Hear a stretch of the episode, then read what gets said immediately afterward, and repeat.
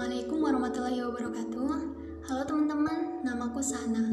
Di segmen pertama kali ini, aku bakal beropini tentang ourselves and society's thinking.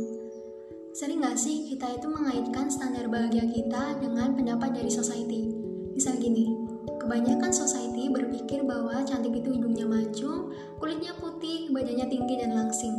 Dan ketika misal hidung kita nggak mancung, badan kita nggak tinggi, kulit kita nggak putih, badan kita agak berisi, kita langsung merasa bahwa diri kita tuh nggak cantik atau kita akan merasa nggak bahagia. Menurut aku sih, hal-hal kayak gitu yang membuat kita nggak sayang sama diri kita sendiri.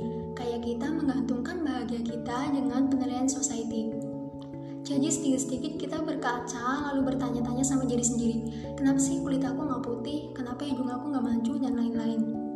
Lalu kemudian sering muncul yang namanya insecure. Aku tahu insecure itu emang kadang nggak bisa dihindari. Misal fashion kita biasa-biasa aja, badan kita kurang cantik berdasarkan pandangan society. Misal merasa kurang pintar, merasa kurang berbakat, dan lainnya. Dan kadang ketika kita bilang insecure, terus ada yang bilang, ngapain sih insecure? Kenapa nggak bersyukur aja? Pasti suka kesal ya dengan orang yang segampang itu buat bersyukur. Apa pun dan bagaimanapun, bersyukur itu emang benar-benar dibutuhkan. Karena supaya kita nggak terlalu membanding-bandingkan diri kita sendiri dengan orang lain, biar kita lebih tahu dan mengerti apa yang ada di sisi kita saat ini. Membanding-bandingkan boleh, tapi hanya sekedar untuk refleksi diri, motivasi, serta inspirasi. Jangan berlarut untuk membuat diri kita menjadi insecure hingga lupa bahwa kita juga punya kelebihan. Intinya, setiap hal pasti ada sisi baiknya, entah itu di diri kita sendiri atau di diri orang lain. Tinggal bagaimana cara kita itu memandangnya. Misal nih, kita insecure, karena kita merasa nggak fashionable dan kita pengen fashionable. Bisa kok kita itu cari model-model yang fashionnya kita suka.